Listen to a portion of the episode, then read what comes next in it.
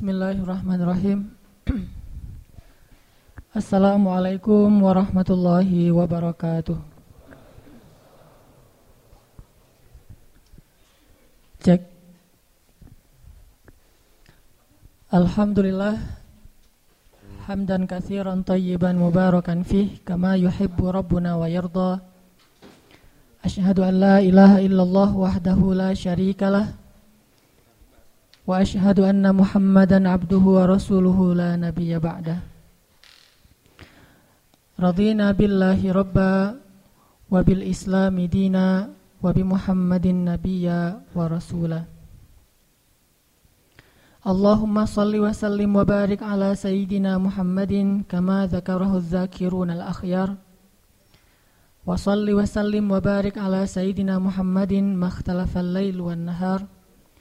وصل وسلم وبارك على سيدنا وحبيبنا ومولانا وقدوتنا محمد صلى الله عليه وسلم وعلى المهاجرين والأنصار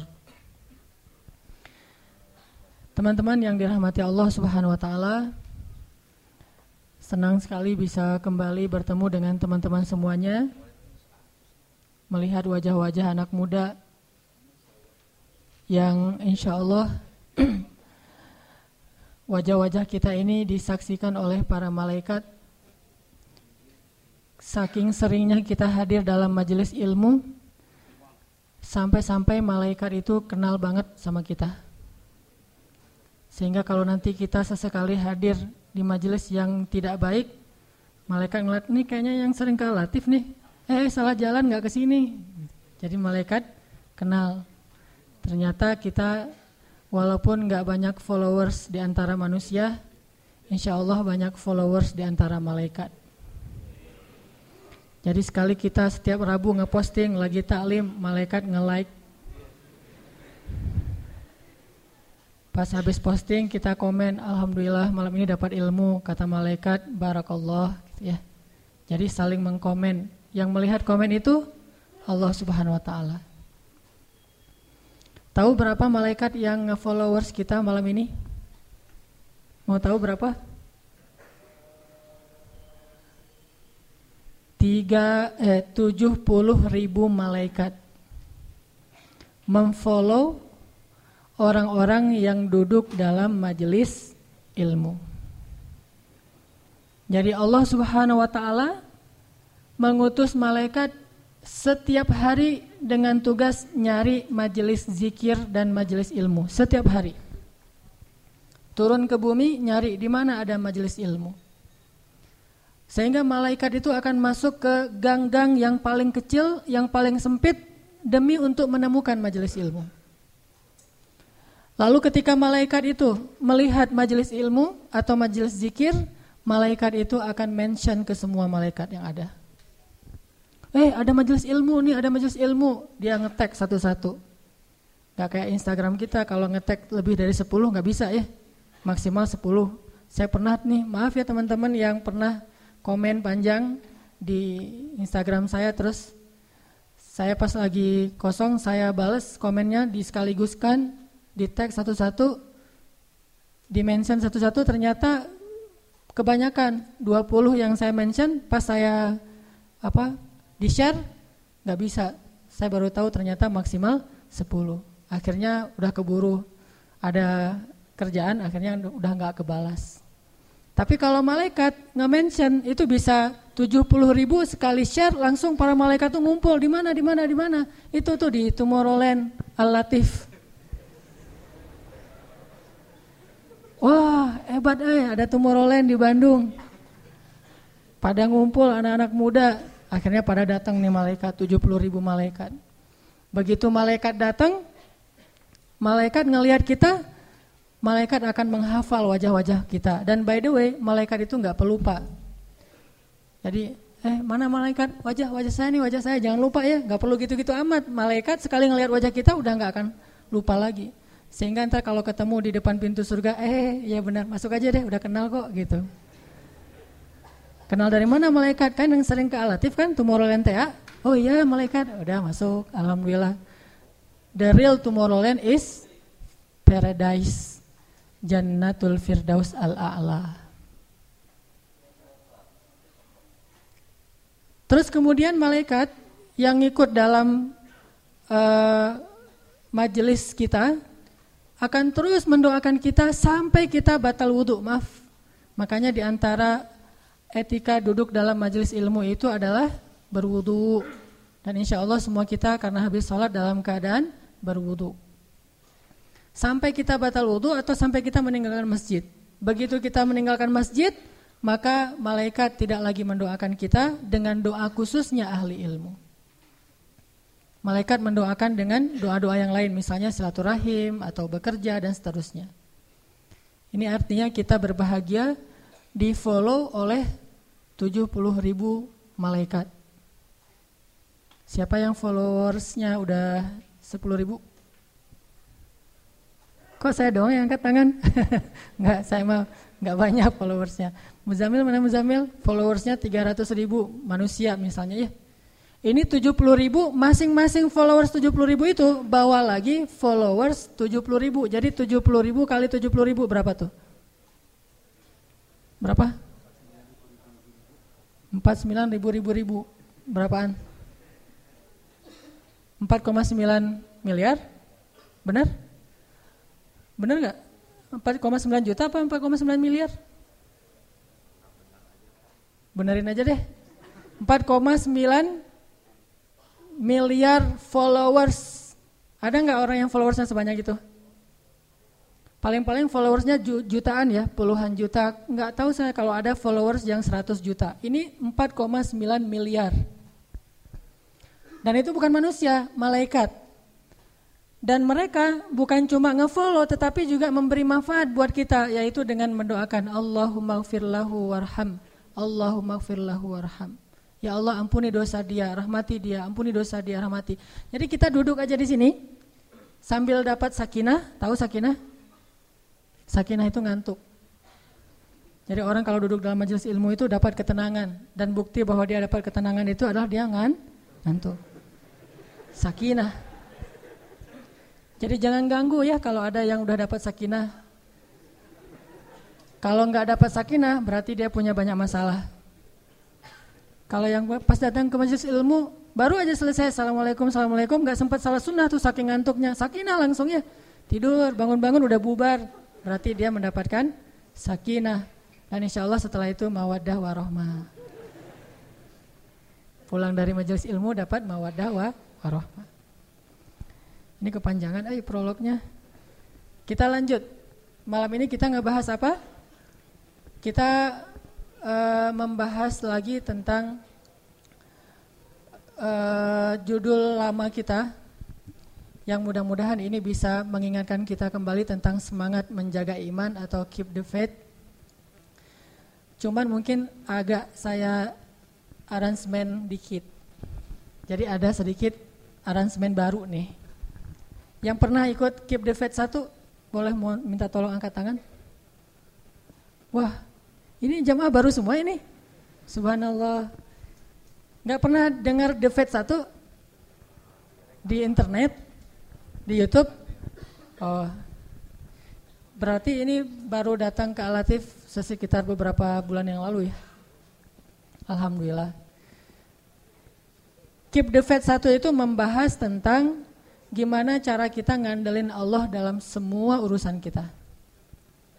Dan malam ini saya akan tambahin dikit saja materi tentang keep the faith. Kita akan melihat keep the faith ini dari angle kalimat yang sering diucapkan oleh orang-orang soleh, yaitu kalimat hasbunallah wa ni'mal wakil.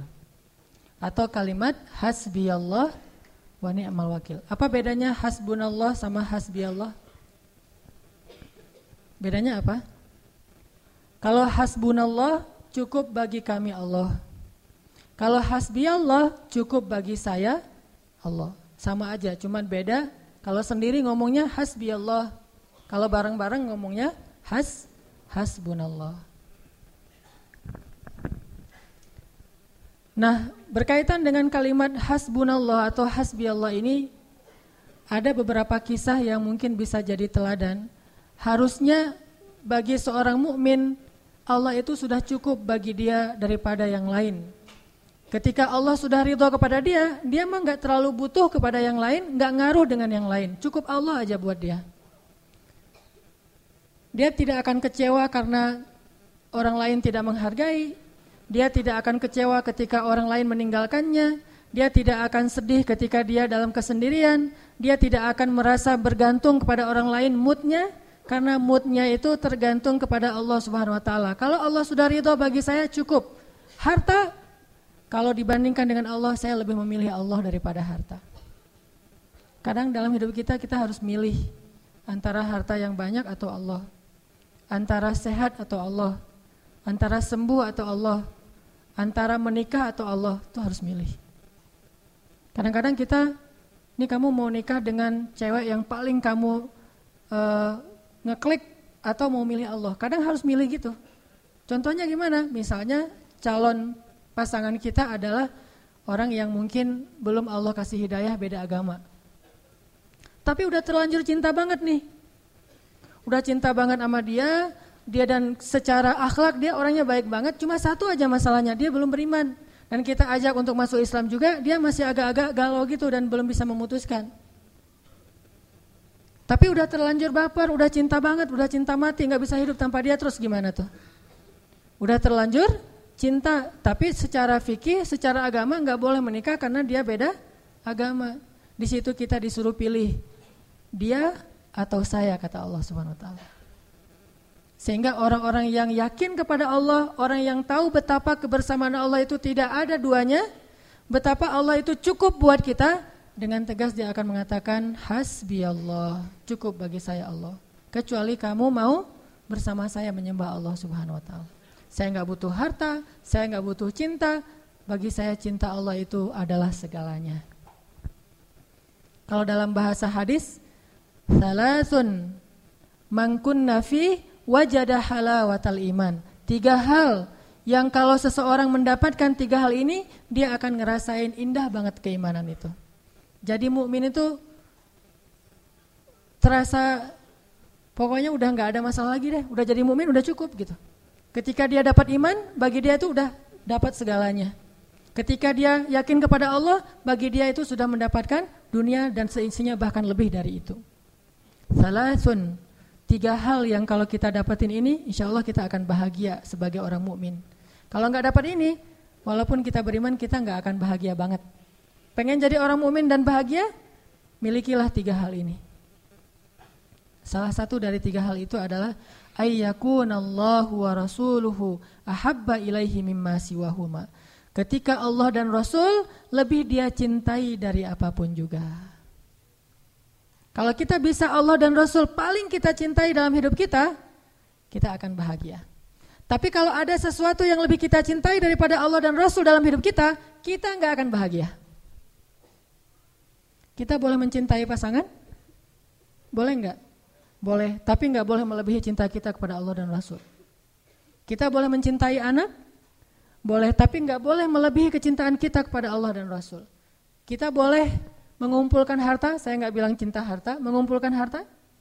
Tapi tidak boleh harta itu masuk ke dalam hati kita sehingga kita mencintainya. Bahkan seperti kita mencintai Allah dan Rasul, enggak boleh. Harus lebih Allah dan Rasul di atas segalanya ayyakunallahu wa rasuluhu ahabba ilaihi mimma siwahuma. Pokoknya Allah itu cinta mati saya. Rasulullah itu cinta sejati saya dan saya tidak pernah mencintai sesuatu pun atau seseorang pun seperti saya mencintai Allah dan Rasul. Sahabat seperti hampir seluruh sahabat kayak gitu. Hampir seluruh sahabat kayak gitu atau bisa kita bilang seluruh sahabat seperti itu. Kecuali mungkin ada beberapa orang sahabat yang orang Badui misalnya, orang pedalaman yang ketemu Rasul cuma sebentar sekali-kalinya, mungkin dia belum terlalu mengerti makna cinta kepada Allah dan Rasul. Tapi sahabat yang terus berinteraksi dengan Rasul, hidup di samping Rasulullah, semua mereka itu mencintai Allah dan Rasul di atas segalanya. Sangat mencintai Allah dan Rasul. Sehingga kalau mereka ketemu dengan Rasulullah, mereka suka bilang gini, Bi abi anta wa ummi ya Rasulullah. Ini kata-kata sahabat yang paling sering terdengar. Bi abi anta wa ummi ya Rasulullah.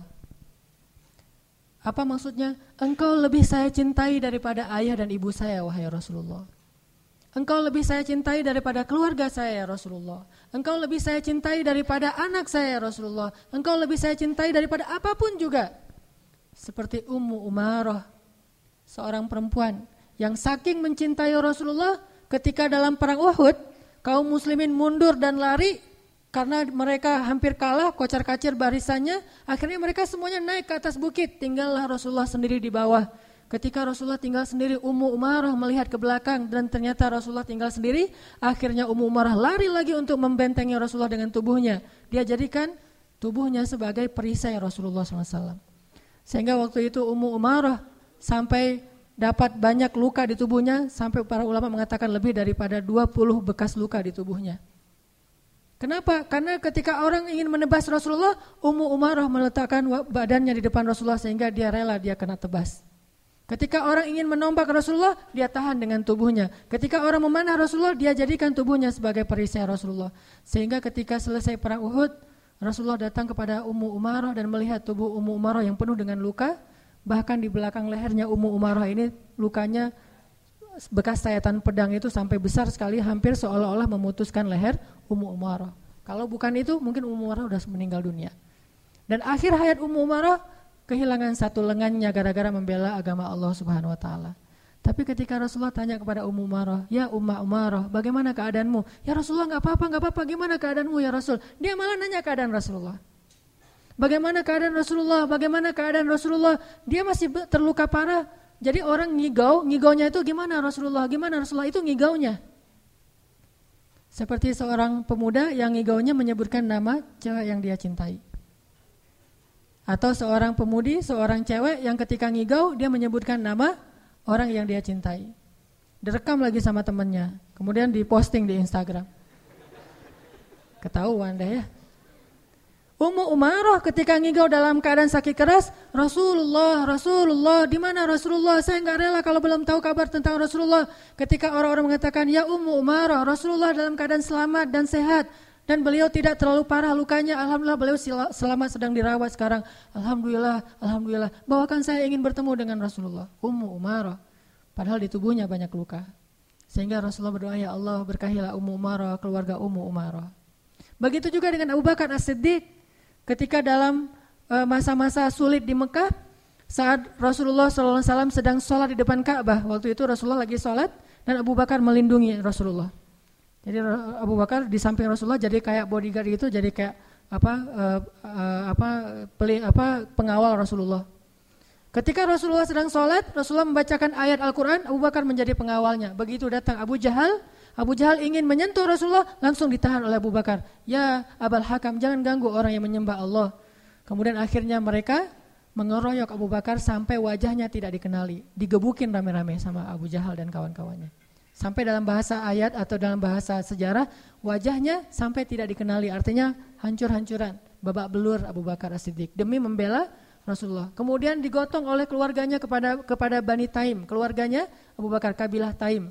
Ketika beliau sadar dari pingsannya, yang pertama beliau tanya, di mana Rasulullah? Bagaimana keadaan Rasulullah? Bagaimana keadaan Rasulullah? Orang-orang mengatakan, ya Abu Bakar, kami mengkhawatirkan keadaanmu tetapi engkau masih mengkhawatirkan Muhammad. Kata ibunya, wahai anakku, istirahat dulu, istirahat dulu, minum obat, makan, minum dan seterusnya. Kata Abu Bakar, demi Allah, saya tidak akan makan dan minum sebelum saya tahu keadaan Rasulullah SAW ayyakunallahu wa rasuluhu ahabba ilaihi mimma siwahuma. Tidakkah kita cemburu kepada orang-orang seperti itu? Baru kita akan bahagia dengan perasaan cinta kita. Kalau tidak, kita akan diperbudak dan sengsara justru oleh perasaan kita sendiri. Akhirnya Abu Bakar menyuruh orang keluarganya termasuk ibunya untuk membantu beliau berdiri, kemudian membantu beliau berjalan secara tertatih karena beliau lagi dalam keadaan luka berat, habis apa bangun dari pingsannya, datang ke rumah Rasulullah SAW. Ketika masuk ke rumah Rasulullah, ke rumah Khadijah, melihat wajah Rasulullah tersenyum, Abu Bakar langsung kayak orang udah segar, nggak perlu lagi dipegang, saya udah sehat. Gara-gara ngelihat Rasulullah selamat. Kemudian Rasulullah bertanya, bagaimana kabarmu ya Rasulullah? Kata uh, ya Abu Bakar, kata kata Abu Bakar, bagaimana kabar engkau ya Rasulullah? Saya tidak masalah kalau gitu kabar saya baik. Kalau Rasulullah sakit, kabar saya lebih sakit. Kalau Rasulullah sehat berarti kabar saya baik ya Rasulullah, tidak masalah. hanya sedikit luka karena dipukul sama mereka. Enggak pernah ngeluh, ya Rasulullah saya mah babak belur, udah lihat kan kesetiaan saya? Enggak, enggak gitu-gitu amat. Saya mah enggak apa-apa ya Rasulullah, yang penting engkau sehat. Begitu cintanya beliau kepada Allah dan Rasul, dan tidak ada yang lebih beliau cintai daripada Allah dan Rasul. Begitu juga ketika Abu Bakar mendampingi Rasulullah untuk hijrah. Kenapa Rasul memilih Abu Bakar untuk hijrah? Karena paling setia dan paling mencintai beliau. Di perjalanan ketika lagi jalan dengan Rasulullah, Abu Bakar kadang berdiri di depan, kadang berdiri di belakang, kadang berjalan di sebelah kanan, kadang berjalan di sebelah kiri, terus saja mundar-mandir, ngelilingin Rasulullah terus kayak orang tawaf gitu. Dan wajahnya tuh gelisah banget, khawatir banget. Sampai Abu Bakar bertanya, eh, Rasulullah bertanya, ya Abu Bakar, mabik, Kenapa kamu ya Abu Bakar? Kok mondar-mandir keliling di belakang depan saya? Kata Abu Bakar, ya Rasulullah. Kadang ketika saya berada di sebelahmu, saya khawatir ada musuh yang akan menghadangmu di depan. Jadi saya ke depan biar saya duluan yang kena. Ketika saya di depan, saya khawatir ada musuh di belakang, saya lari ke belakang.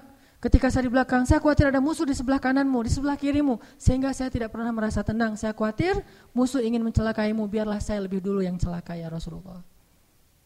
Allah dan Rasul paling dicintai bagi mereka. Di dalam gua Thur, ketika Rasulullah istirahat karena kecapean, Rasulullah tertidur sambil duduk, Abu Bakar tidak bisa tidur. Abu Bakar terus berjaga-jaga, jangan ada musuh yang datang ke dalam gua itu untuk membunuh Rasulullah. Jaga-jaga terus, siaga banget. Sampai ketika waktu sedang bersiaga kayak gitu, Abu Bakar ngelihat ada seekor kayak kala jengking keluar dari sebuah lubang di dalam gua, langsung ditutup oleh tangan Abu Bakar As-Siddiq. Nggak mikir ini kalajengking atau ngambil batu dulu, ngambil apa gitu. Nggak mikir karena saking khawatir terhadap keselamatan Rasulullah, dia tidak menggunakan akalnya, tetapi dia menggunakan kasih sayang dan cintanya. Langsung dia tutup dengan tangannya, kemudian tersengat. Ketika tersengat oleh kalajengking, Abu Bakar sama sekali tidak menjerit. Kenapa? Takut Rasulullah terbangun. Dia tahan, sampai akhirnya nggak tahan lagi, dia udah keluar keringat dingin, Rasulullah terbangun dan melihat, ya Abu Bakar, kenapa kamu ya Abu Bakar? Gak ada apa-apa ya Rasulullah, istirahat lagi, istirahat lagi. Ini nahan terus nih. Melihat wajahnya udah berkeringat, terus tangannya kayak agak biru gitu, Rasulullah melihat ternyata dia disengat oleh kalajengking, kemudian Rasulullah mengusap bekas lukanya dengan nama Allah dan Allah menyembuhkannya. Tapi kan Abu Bakar nggak pernah nyangka, ah tenang aja ntar mujizat pasti sembuh gitu. Itu mah kita, wah kalau saya belain Rasulullah, insya Allah ada mujizat, tenang aja dah paling sakit sebentar, pengen nunjukin aja bahwa saya itu setia gitu. Ini lebay. Mau bahkan mah nggak lebay. Kalau Rasulullah nggak ngasih mujizat juga tidak masalah. Bahkan mati demi Rasulullah pun tidak masalah sampai mereka berkali-kali mengatakan ana fida'uk ya Rasulullah. Saya adalah uh, yang akan menggadaikan diri saya untuk keselamatanmu ya Rasulullah SAW. Saya tebus nyawa saya untuk keselamatanmu ya Rasulullah SAW. Ini saking cintanya mereka kepada Allah dan Rasul. Sampai ada seorang sahabat juga namanya Thauban. Thauban radhiyallahu an. Pernah suatu ketika Thauban duduk bersama Rasulullah, kemudian dia tiba-tiba menangis. Pertama ngelihat Rasulullah lama gitu, jadi kayak orang memperhatikan seseorang yang paling dicinta, dicintai kan ya, kayak kita kalau ngelihat orang tua kita atau pasangan kita atau anak kita kan ngelihatnya lama. Pernah ngelihat istri lama-lama? Wah itu. Saya kalau ngelihat istri saya tuh suka lama Gini aja. Lama banget. Selama orang sholat tahajud. Wih Enggak gitu juga kali. Ngelihat istri lama Kenapa? Karena sayang kepada pasangan kita. Kita ngelihatnya lama dengan bahasa kasih, sah, kasih sayang. Tapi enggak ngelihat dengan perasaan lain ya Perasaannya cuma kasih sayang Jadi enggak macam-macam. Ini ada sahabat namanya Sauban. Kalau ngelihat Rasulullah tuh lama ngeliatin senyum Rasulullah ya Sauban kenapa? Enggak ya Rasulullah ngeliatin lagi. Jadi kayak orang kalau di kita mungkin ah apaan sih lo? gitu ya. Enggak enggak enggak kalau sahabat mah cintanya murni karena Allah bukan karena macam-macam bukan LGBT ini ngeliat Rasulullah lama Rasulullah ya Sauban kenapa? Tiba-tiba Sauban nangis. Tiba-tiba Sauban nangis. Rasulullah tanya Mayu beki kayak Sauban kenapa kamu menangis wahai Sauban ya Rasulullah saya cinta sekali kepada engkau ya Rasulullah tidak ada yang lebih saya cintai di muka bumi ini setelah Allah kecuali engkau ya Rasulullah. Terus kenapa? Saya khawatir kalau-kalau nanti engkau kembali kepada Allah dan saya juga kembali kepada Allah, saya tidak akan bertemu dengan engkau lagi ya Rasulullah. Kenapa demikian ya Sauban? Ya Rasulullah, engkau itu kekasih Allah. Engkau itu dijanjikan surga oleh Allah, tempatmu itu di surga Firdaus. Sedangkan saya hanya orang biasa ya Rasulullah. Amal saya sedikit, dosa saya banyak. Bagaimana saya akan menemuimu lagi nanti di akhirat ya Rasulullah? Cuma di dunia saja saya bisa melihat wajahmu dari dekat, sedangkan di akhirat engkau berada di tempat yang tinggi dan saya belum tentu masuk ke dalam surga. Bagaimana keadaan saya hari itu ya Rasulullah? Nangis sauban, karena khawatir nggak bisa ketemu dengan Rasulullah nanti di akhirat. Di dunia mungkin saya bisa bertemu dengan engkau ya Rasul, bisa memeluk engkau, bisa mendengar kata-katamu yang luar biasa, bisa melihat wajahmu dan senyummu yang sangat sangat menentramkan hati. Nanti di akhirat, bahkan di padang masyar belum tentu saya bisa bertemu dengan engkau ya Rasulullah. Akhirnya Rasulullah kemudian mendoakan Sauban dan mengajaknya untuk banyak melakukan sujud sehingga nanti bisa bareng dengan Rasulullah di surga Firdaus. Berselawat kepada Rasulullah sallallahu alaihi wasallam. Begitu juga ketika turun ayat Idza jaa nasrullahi wal fath wa yadkhuluna fi dinillahi afwaja. Ketika Nabi membacakan ayat ini kepada para sahabat, semua para sahabat itu bertakbir Allahu Akbar, Allahu Akbar, menang gitu. Ini ayat kemenangan kan? Kalau telah datang kemenangan dari Allah dan pertolongan dan kamu melihat orang berbondong-bondong masuk Islam yaitu setelah perjanjian Hudaibiyah, Fathu Makkah, setelah perang Khaybar, orang berbondong-bondong masuk Islam. Lalu para sahabat memaknai ayat ini, ini adalah kemenangan. Semuanya bertakbir. Kecuali Abu Bakar As-Siddiq yang menangis. Melihat Abu Bakar menangis sendiri di pojok, Umar datang menghampiri Abu Bakar dan bertanya, "Ya Abu Bakar, bukankah ini berita gembira? Kenapa engkau menangis ya Abu Bakar? Bukankah ini kemenangan dari Allah, ini nikmat anugerah dari Allah? Kenapa engkau menangis?" Kata Abu Bakar, ya ini berita gembira, kemenangan dari Allah dan juga sekaligus berita duka. Duka bagaimana ya Abu Bakar? Kata Umar. Ya Umar, ketika Allah mengatakan agamanya sudah menang, bahwa dakwah ini sudah memperoleh kemenangan yang besar, orang akan berbondong-bondong masuk Islam, itu artinya tugas Nabi sudah selesai. Dan ketika tugas Nabi sudah selesai, maka, maka itu artinya Rasulullah sebentar lagi akan kembali kepada kekasihnya dan meninggalkan kita. Baru Umar sadar dan menangis, lalu dia menyampaikan kepada semua sahabat, jangan kalian bertakbir dulu, sesungguhnya ini adalah musibah paling besar. Lalu mereka diajarkan oleh Umar, musibah apa ya Umar? Umar mengatakan apa yang dikatakan Abu Bakar, baru seluruh para sahabat menangis. Perpisahan dengan Rasulullah SAW. Tidak ada yang lebih mereka tangisi sejak mereka lahir ke muka bumi kata para sahabat seperti mereka menangisi wafatnya Rasulullah Sallallahu Alaihi Wasallam. Semua rumah di Madinah itu terdengar suara orang menangis. Bahkan lebih dari satu bulan kota Madinah itu dalam keadaan berduka karena mereka menangisi kepergian Rasulullah SAW. Begitu juga ketika Rasulullah SAW berdiri di atas mimbar Kemudian Rasulullah mengatakan, "Wahai kaum muslimin, sesungguhnya ada seorang hamba diberikan pilihan oleh Allah antara kembali kepada Allah atau dia tetap bersama orang-orang yang dia cintai. Ternyata hamba itu memilih untuk kembali kepada kekasihnya." Para sahabat dia aja nggak ngerti, Abu Bakar nangis lagi. Saking pekanya hati Abu Bakar karena cintanya kepada Rasulullah. Lalu Umar nanya lagi kepada Abu Bakar, "Ya Abu Bakar, kenapa nangis? Bukankah itu kisah laki-laki Bani Israel?" Kata Abu Bakar itu bukan kisah Bani Israel, itu Rasulullah yang diberikan pilihan antara kembali kepada Allah atau tetap bersama kita. Dan beliau memilih kembali kepada Allah, baru nangis juga. Umar ini sering merasa nggak ada apa-apanya di hadapan Abu Bakar As-Siddiq. Dan Abu Bakar bukan karena lebih cerdas daripada Umar, terkenal Umar itu cerdas, Ali bin Abi Thalib itu cerdas, tetapi cintanya Abu Bakar kepada Rasulullah di atas rata-rata. Sehingga dengan cinta itu dia lebih peka, dia lebih ngeh, dia lebih aware daripada sahabat-sahabat yang lain. Bahkan ada juga sahabat yang kayak gini. Setiap malam dia ada di depan rumah Rasulullah. Asal udah malam, udah ada dia tuh di depan rumah Rasulullah. Habis sholat isya udah langsung siaga di depan rumah Rasulullah. Sampai Rasulullah bertanya, siapa di depan rumah? Saya ya Rasulullah. Apa yang kau lakukan? Gak ada Rasulullah lagi lewat gitu. Besok dia lagi terus saja setiap malam dia berjaga di depan rumah Rasulullah. Kenapa? Dia nggak rela ada seorang pun yang datang untuk menyakiti Rasulullah. Dia terus berjaga-jaga demi Rasulullah. Nggak pernah tidur di malam hari demi menjaga rumah Rasulullah SAW. Saking cintanya kepada Allah dan Rasul. Inilah halawatul iman. Inilah orang mukmin yang paling bahagia. Siapa orang yang paling bahagia di antara orang yang beriman? Yang benar-benar bisa meletakkan Allah dan Rasul di dalam hatinya dan tidak ada ruang lagi buat yang lain kecuali dengan seizin Allah dan Rasulnya.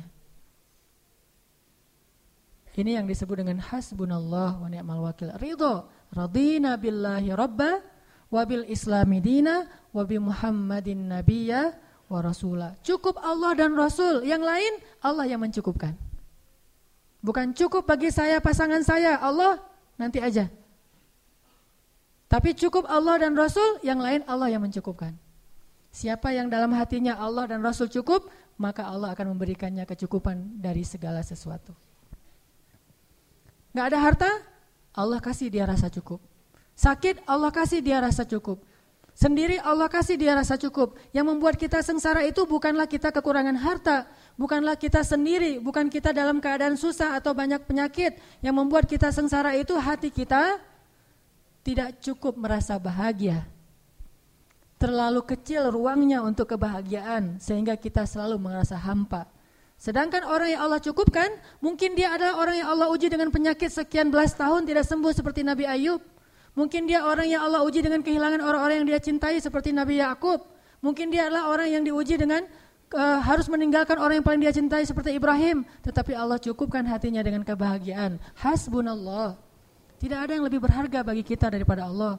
Maka siapa pun yang memberikan hatinya lebih dulu kepada makhluk sebelum kepada Allah dan Rasul, siap-siaplah untuk sengsara dan kecewa. Berikan hati kita kepada Allah dan Rasul. Setelah itu Allah yang akan memberikan hati itu kepada orang yang paling layak untuk kita.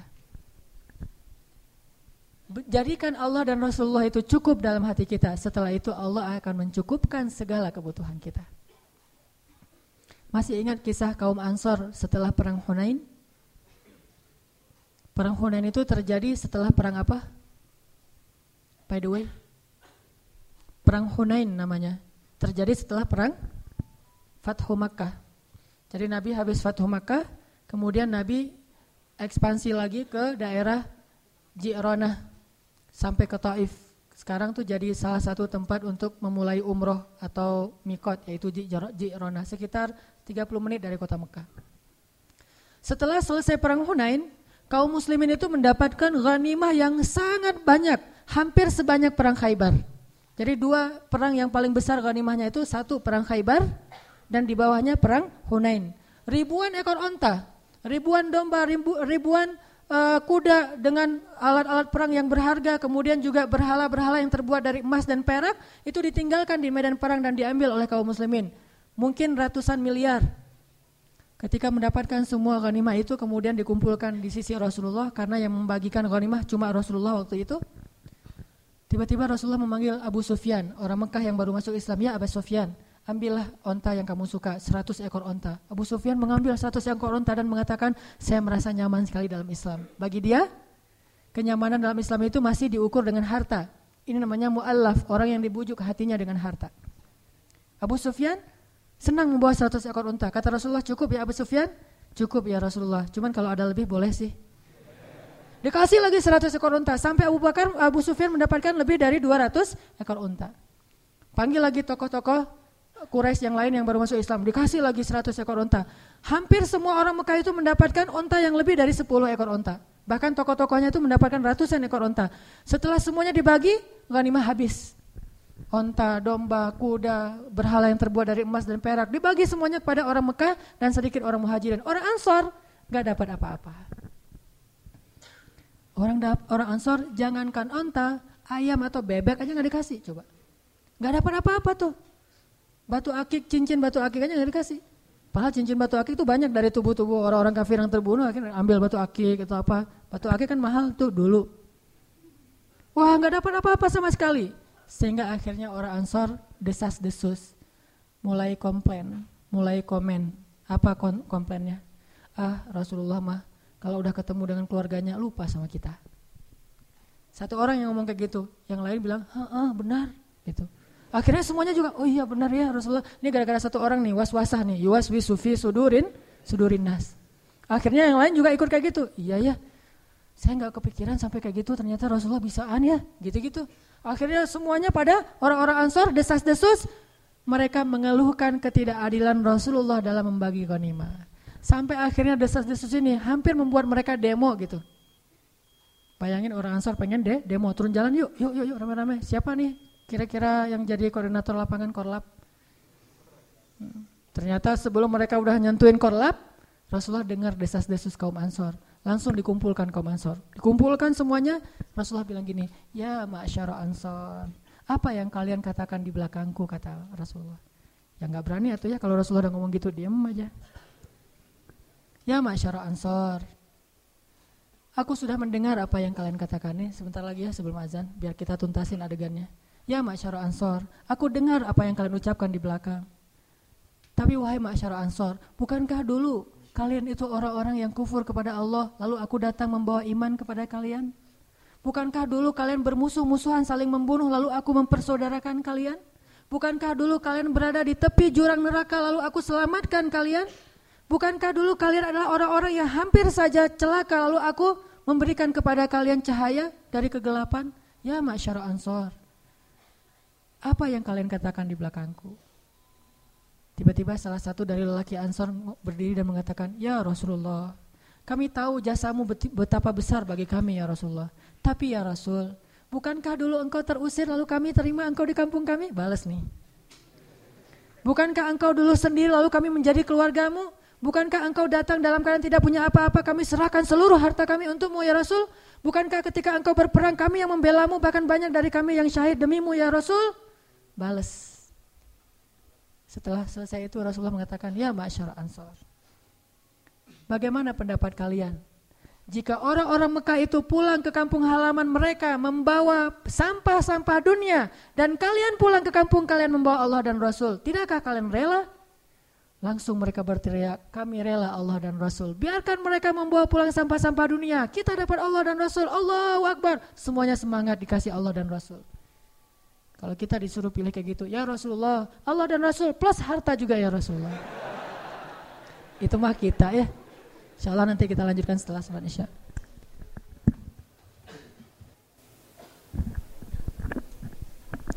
Bismillahirrahmanirrahim.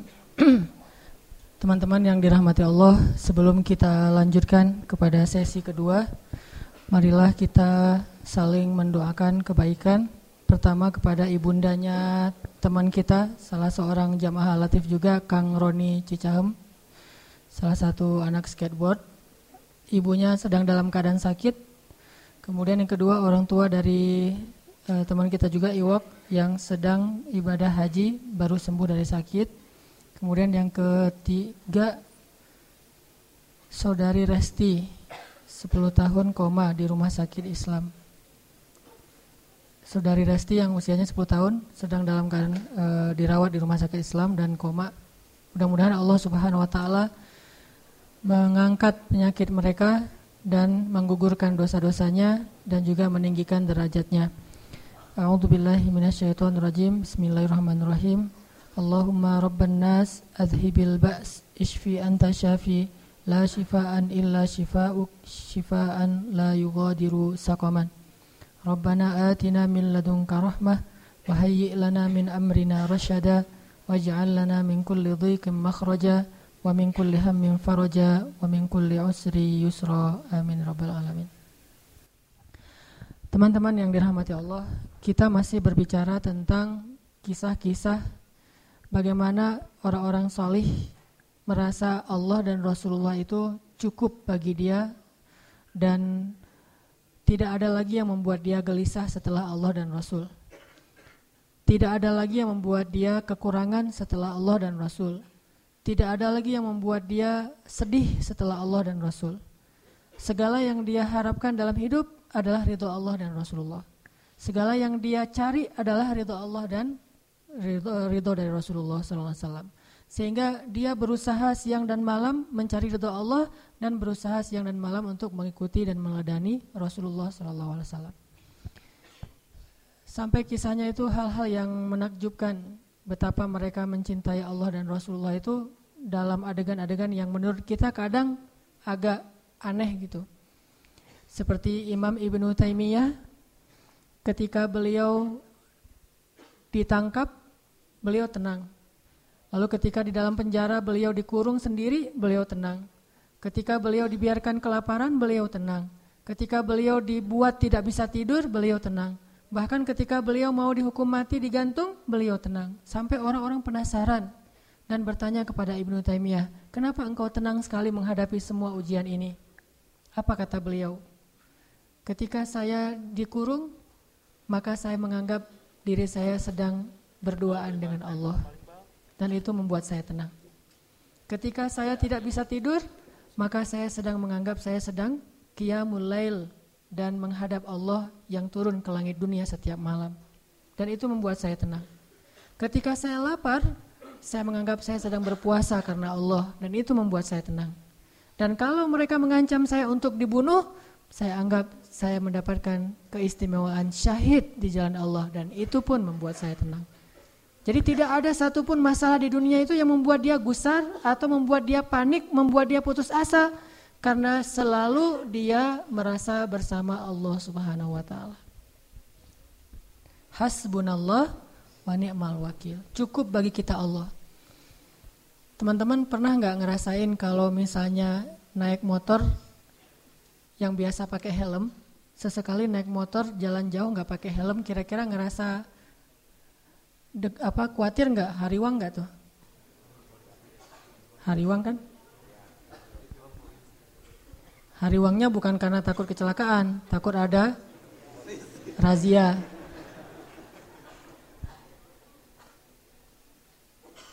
Terus ketika jalan pakai helm, helmnya itu yang udah standar SNI misalnya, udah bagus, rasanya gimana? Merasa lebih tenang dengan pakai helm? Tawakalnya kepada helm. Jalan, mobil kita tuh ada asuransinya. Dengan jalan dengan mobil tidak ada asuransinya secara normal, lebih nyaman yang mana? Yang ada asuransi. Perasaan tenang, perasaan cukup, perasaan tidak khawatir karena pakai helm, karena pakai asuransi, karena jalannya dengan seorang teman yang badannya gede misalnya. Jalan kita ke mana gitu ya, ke tempat-tempat umum yang kadang-kadang kita nggak tahu ada orang macam-macam, tapi kita jalannya tuh bareng teman yang dia tuh sebutlah kolonel muda, pakai baju loreng, dia bawa pistol ke mana-mana, jalan sama dia. Kita kan agak kebawa-bawa gaya-gaya dikit ya, soalnya ada teman. Begitu dia nggak ada, ciut langsung gitu. Kenapa bisa kayak gitu? Karena merasa tenang cukup dengan ada orang-orang yang kita anggap bisa melindungi kita. Dengan ada hal-hal yang bisa melindungi kita. Apakah kalau kita membaca doa ketika kita meninggalkan rumah kita ngerasa tenang seperti pakai helm?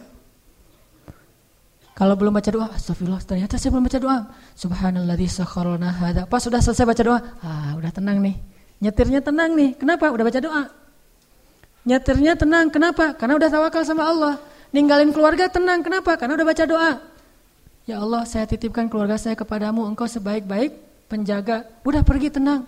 Walaupun kita agak-agak Eh, sering dengar berita buruk tentang kondisi di lingkungan kita, tapi begitu kita baca doa jadi tenang. Ala bidzikrillah tatmainnul qulub. Itulah orang yang menjadikan Allah hasbi Allah. Terus kalau ada masalah diingatkan, tenang aja lah, kita serahin aja sama Allah. Oh iya ya, serahin sama Allah, gampang lah kalau kayak gitu mah. Udah ngelibatin Allah jadi tenang. Itu berarti hasbi Allah. Sehingga kalau ada masalah sedikit, udah serahin aja sama Allah, ya udah, tenang. Udah antar Allah yang balas. Oh, sebaik-baik apa? Allah sebaik-baik pembalas, balasannya jauh lebih baik daripada balasan manusia. Tenang. Kenapa bisa merasa tenang? Karena di hatinya itu hasbi Allah, cukup Allah dan yang lain itu nggak akan pernah memberi kecukupan buat kita kecuali Allah Subhanahu wa taala. Saya beberapa kali pernah misalnya harus pergi malam-malam. Bukan perjalanan saya yang saya khawatirkan, tapi keluarga yang saya tinggalkan. Ini gimana nih keadaan keluarga di lingkungan yang mungkin beberapa tetangga pernah kemalingan misalnya. Dan tidak ada laki-laki di rumah, saya pergi atau eh, namanya walaupun ada laki-laki juga namanya perampok mungkin rame-rame atau habis kejadian. Ada rasa khawatir kan? Tapi saya harus pergi malam-malam karena ada acara qiyamul atau acara itikaf. Begitu keluar dari rumah, bismillahirrahmanirrahim, la haula wala quwata illa billah subhanalladzi sakharana hadza sampai kalimat ya Allah aku uh, engkau uh, anta sahibu fis safar uh, wal khalifatu lil ahl fil ahl engkau teman dalam perjalanan dan penjaga untuk keluarga yang saya tinggalkan itu jadi tenang kalau kita merasa dizalimi oleh orang lain, kita berdoa, ya Allah beri saya ganti yang lebih baik, tenang. Pokoknya kalau udah melibatkan Allah jadi tenang gitu. Allah bidzikrillahi tatmainnul qulub. Itu baru namanya hasbi Allah. Dan Allah bilang, "Ana inda dhanni 'abdi bi." Aku tergantung prasangka hambaku kepadaku. Kalau kita berprasangka baik kepada Allah, Allah seperti yang kita persangkakan. Apalagi sih yang membuat kita khawatir setelah Allah? Apalagi sih yang membuat kita merasa kekurangan setelah Allah Subhanahu wa taala? Jadi jadikanlah Allah segalanya dalam hidup kita cinta kita yang paling sejati dan yang paling besar di dalam hati kita. Allahu Akbar. Kenapa demikian? Kenapa Allah harusnya yang paling kita cintai dalam hidup kita, kemudian Rasulullah SAW, baru yang lain-lain. Yang lain mah yang kesekian lah. Termasuk keluarga kita, termasuk anak kita, termasuk istri dan suami kita, termasuk orang tua kita, harta kita. Ah itu mah yang kesekian. Nomor satu Allah dan Rasul. Kenapa? Karena tidak ada yang lebih mencintai kita seperti cinta Allah Subhanahu wa taala kepada hambanya. Dan setelah itu tidak ada yang mencintai kita seperti cintanya Rasulullah wasallam kepada umatnya. Tahu gimana cinta Rasulullah kepada kita? Salah satu di antara cinta Rasulullah kepada kita yang nggak bisa digantikan oleh siapa pun termasuk oleh orang tua kita. Ayah ibu kita nggak bisa mencintai kita seperti cinta Rasulullah. Pasangan kita yang katanya sehidup semati Gak bisa mencintai kita seperti cintanya Rasulullah. Gimana cintanya Rasulullah? Nanti di padang mahsyar Allah Subhanahu wa taala berfirman, "Yauma yafirrul mar'u min akhihi wa ummihi wa abihi wa sahibatihi wa bani likulli imri'in minhum yawma idzin sya'nun yughni." hari ketika seorang ayah lari dari anaknya. Seorang suami lari dari istrinya, istri lari dari suaminya, anak lari dari orang tuanya, pasangan lari dari pasangannya, sahabat lari dari sahabatnya. Likul limriin yauma idzin pada hari itu semua orang sya'nun yughni, sibuk ngurus diri sendiri kecuali satu orang. Semua orang, Nabi Adam, Nabi Nuh, Nabi semua anbiya dan semua manusia pada hari itu yauma idzin sya'nun yughni likulli syai' likulli imri'in minhum yauma idzin sya'nun yughni. Semuanya sibuk dengan diri sendiri. Udah lupa tuh. Kita dikuburin satu liang lahat dengan pasangan sejati kita, tapi pas kita bangkit kita nggak akan lihat ke sebelah kanan kiri kita. Dia juga nggak usah kegeeran, dia juga akan melihat kita kok. Saya nggak akan lihat dia, tapi dia pasti ngelihat saya nih. Gak usah GR di hari akhirat itu nggak perlu GR karena dia juga nggak bakalan lihat, nggak akan ingat mau kita tuh. Kita lihat, eh, misalnya kita manggil dia panggilan kesayangan kita, beb, say gitu ya, say say say, eh say say, gini panggil panggil dia pergi aja tuh. Kenapa nih orang pergi? Jangan-jangan dia udah lupa ingatannya belum balik, soalnya udah kelamaan tidur di dalam kubur gitu misalnya. Nah, likul limriin yauma idin sya'nu yugni, nggak peduli, dia ngelihat kita dia tahu ini suami saya nih, dia tahu ini anak saya ini, dia tahu ini orang tua saya, dia tahu bahwa dia adalah kekasih kita, eh, kita adalah kekasihnya. Dia tahu, tetapi saking takutnya dia terhadap dirinya dan saking dia mementingkan dirinya pada hari itu dia nggak peduli dengan kita. Bahkan nauzubillah kalau kekasihnya di sebelah diseret oleh malaikat dia nggak akan nolong, nggak akan nolong kita dia mah. Dia yang penting selamat. Ah, saya udah selamat. Kekasihnya ya terserah. Nanti nanti kalau udah dia udah beres, baru nanti dia itu juga nggak semua orang bisa seperti itu. Tapi Rasulullah satu-satunya orang yang pada hari itu itu yang sangat sibuk mondar mandir mondar mandir sibuknya luar biasa cuma satu orang Muhammad Shallallahu Alaihi Wasallam itu sibuk banget. Gimana sibuknya Rasulullah? Ketika lagi di padang mahsyar, Rasulullah langsung mencari mana umatku, mana umatku. Dia cari, siapa kamu? Umat Muhammad. Sini, sini, sini. Siapa kamu? Umat Muhammad. Gumpulin semuanya umatnya. Kemudian Nabi sujud kepada Allah dengan sujud yang sangat lama. Sampai Allah mengatakan, Ya Muhammad, bangkitlah dari sujudmu. Sal tu'tah, minta akan saya beri. Bangkit dari sujudmu. Ya Allah, saya tidak akan bangkit dari sujud saya sebelum saya mendapatkan apa yang engkau janjikan. Wahai Muhammad, minta. Ya Allah, Berikan saya kesempatan untuk memberi minum kepada umat-umat saya. Mereka kehausan ya Allah, kasihan mereka di bawah terik matahari. Akhirnya Allah mengatakan, ya Muhammad, ini telaga Al-Kausar, beri minum kepada umatmu.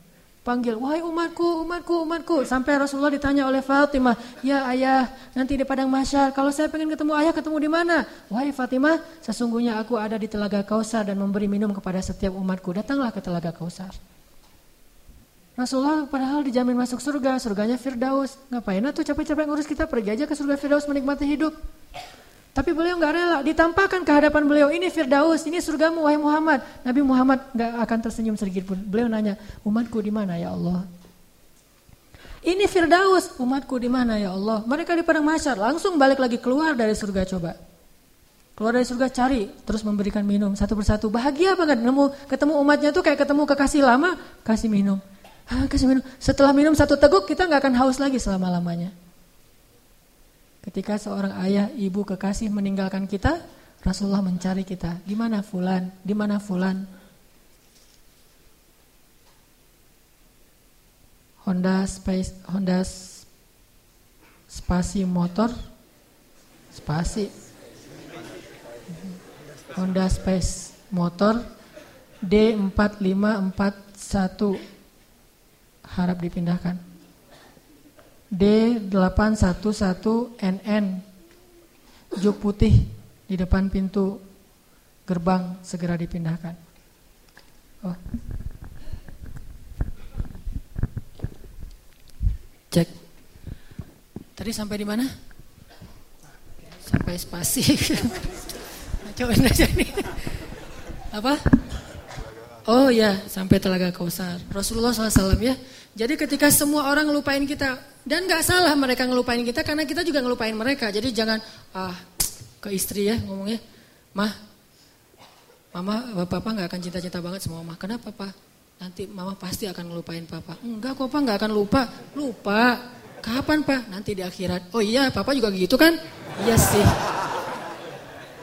Di situ emang semua orang saling melupa Saling melupakan dan saling melupakan itu bukan karena Allah mencabut memori dan ingatan kita, karena memang kita mementingkan diri sendiri kecuali Rasulullah wasallam.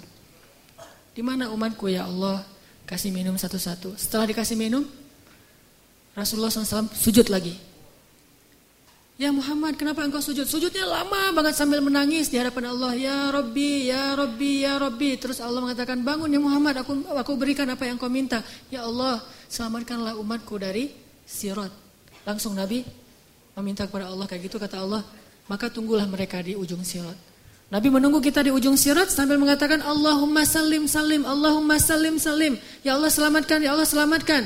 Maka yang amalnya banyak dia lewat, lewat, lewat, lewat. Ada juga yang jatuh ke dalam neraka. Rasulullah ketika tahu umatnya masih banyak yang di dalam neraka, langsung sujud lagi di hadapan Allah. Sujud yang sangat lama. Allah mengatakan, "Ya Muhammad, bangkitlah dari sujudmu, apa yang kau inginkan? Ya Allah, selamatkanlah seseorang dari api neraka yang di dalam hatinya ada iman walaupun sekecil biji kurma." Akhirnya kata Allah, "Selamatkan mereka yang ada iman sekecil biji kurma di dalam neraka." Nabi langsung pergi ke pintu neraka, mencari umatnya. Wahai malaikat, cari umat saya yang ada iman sekecil biji kurma dan selamatkan mereka. Dikeluarin. Ketika ketemu dengan Rasulullah, mereka dalam keadaan habis disiksa luar biasa. Wajah mereka, tubuh mereka rusak parah. Rasulullah melihat mereka dengan air mata kasihan, memeluk mereka, dipersilakan masuk ke surga. Setelah selesai udah udah nggak ada lagi malaikat udah nggak ada lagi. Balik lagi ke hadapan arasy Allah. Di bawah arasy Allah Nabi sujud lagi yang lama. Dalam sujud lama itu kemudian Nabi menangis. Allah berkata, "Ya Muhammad, kenapa menangis? Ya Allah, selamatkanlah umat saya dari api neraka yang mereka di dalam hatinya ada iman sekecil biji jagung." Sekecil ya, jagung. Kata Allah, aku izinkan. Akhirnya Nabi Muhammad lari lagi ke neraka. Wahai malaikat, keluarkan yang ada iman sekecil jagung. Keluar lagi sekian ribu, sekian juta umat Nabi Muhammad. Udah selesai semua, udah gak ada sisa, gak ada sisa. Balik lagi di bawah arus Allah. Sujud lagi yang lama, nangis lagi sepanjang Waktu yang cukup lama sampai Allah bertanya, "Ya Muhammad, bangkit, bangkit. Apa yang kau inginkan ya Allah? Keluarkanlah umatku yang di dalam neraka, yang di dalam hatinya ada iman sekecil biji sawi, zarrah." Kata Allah, "Aku izinkan. Lari lagi ke neraka, selamatin lagi." Balik lagi sujud lagi ya Allah kata Allah ya Muhammad apa lagi ya Muhammad bukankah aku sudah menyelamatkan banyak dari umatmu ya Allah demi kasih sayang yang engkau miliki selamatkanlah umatku yang mereka tidak punya amal kecuali hanya mengatakan la ilaha illallah. Kata Allah, aku izinkan. Nabi Muhammad kemudian lari ke neraka menyelamatkan kita dengan seizin Allah. Makanya Nabi mengatakan, katakanlah ilaha illallah baru aku bisa menyelamatkan kalian. Ketika kakeknya, eh, ketika pamannya mau meninggal, apa kata Nabi? Wahai paman, ucapkan kunci surga, la ilaha illallah, biar aku bisa nyelamatin paman. Walaupun gak ada amal sama sekali. Tapi pamannya dengan takdir Allah tidak mengucapkan. Sibuk Rasulullah sepanjang padang mahsyar yang yang panas, kemudian disirat, kemudian di depan pintu neraka, terus sibuk untuk memikirkan ummati, ummati. Ya Rabbi, kaifa ummati? Gimana umatku? Gimana umatku ya Allah? Rasulullah hanya membukakan pintu surga untuk kita, tapi beliau tidak masuk surga. Kita yang disuruh masuk surga, beliau keluar lagi, sibuk lagi dengan yang lain. Kita yang difikirkan oleh Rasulullah SAW. Apakah orang tua kita bisa melakukan itu nanti di akhirat? Tidak. Cinta yang paling besar dari Rasulullah. Enggak lupa sama kita, kenal juga enggak, Bahkan kita berselawat kepada beliau aja males. Beliau tidak menyelamatkan ya Allah selamatin aja orang yang bersalawat kepada saya yang nggak mau salawat nggak usah. Enggak. Yang ada iman sekecil zarrah, yang ada iman sekecil jagung, yang ada iman sekecil biji kurma, nggak masalah. Yang penting umatku ya Allah selamatkan mereka. Sampai pernah orang kalau sakaratul maut itu kan sakitnya luar biasa ya. Dan kita tahu adegan sakaratul maut Rasulullah. Apa yang beliau panggil?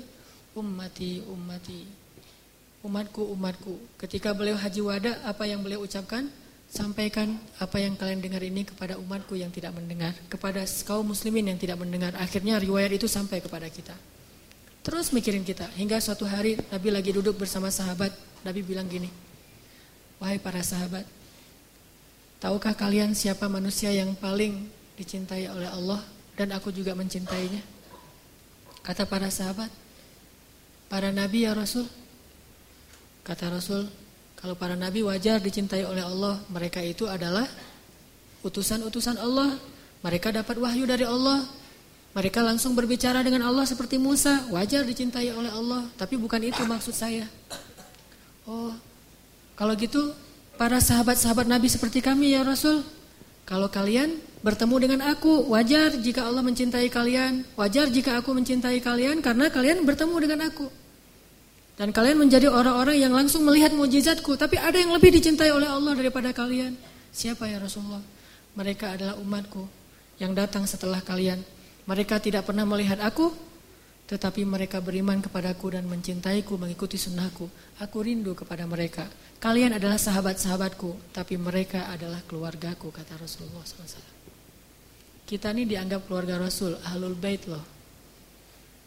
Bukan kita yang ngaku-ngaku Rasulullah keluarga kita. Itu mah wajar banget. Orang kita orang biasa, Rasulullah orang luar biasa. Tapi Rasulullah ngaku kita sebagai keluarganya. Padahal Rasulullah tahu nggak semua dari kita itu setia kepada beliau. Yang marah ketika nama beliau dicoreng. Yang marah ketika tentang beliau itu diselewengkan. Yang marah ketika beliau dihina. Gak semua dari kita punya kesetiaan yang besar kepada beliau. Tapi beliau menganggap kita keluarganya. Beliau rela menghabiskan hidupnya dalam kesusahan demi supaya hidayah ini sampai kepada kita. Siapa sih yang mau susah payah untuk kita kalau bukan karena mencintai kita? Siang malam hartanya habis, dihina, dicela, diusir dari kampung halamannya, apa yang beliau harapkan? Supaya hidayah, ini sampai kepada seluruh manusia. Itu yang paling beliau harapkan. Sampai pernah Rasulullah lagi duduk lewat seorang orang Bani Israel lagi menggotong jenazah gitu. Rasulullah nangis, Lalu para sahabat bertanya, ya Rasulullah kenapa engkau menangis? Kan yang meninggal itu bukan muslim tapi Bani Israel. Kata Rasulullah, saya menangis karena saya belum sempat mendakwahi dia sehingga dia mati dalam keadaan kufur. Saking cintanya Rasulullah kepada umatnya. Dan bahkan dengan seizin Allah, Rasulullah SAW sering berdoa untuk kita. Di antara doa-doa yang sering beliau ucapkan di malam hari ketika beliau tahajud. Beliau kalau tahajud itu bukan ngedoain diri sendiri, Allah masukkan saya ke surga. Bukan. Justru itu Allah menjaminkan itu kepada beliau karena beliau sering mendoakan kita. Ya Allah umatku, ya Allah umatku di Palestina, ya Allah umatku di Syam, ya Allah umatku di Yaman dan yang di, mengikuti arah Yaman dan seterusnya sampai ke kita. Semuanya didoakan di dalam sholat-sholat malamnya Rasulullah SAW. Sehingga akhirnya hidayah ini sampai kepada kita. Ini baru Rasulullah, belum lagi cinta Allah kepada kita.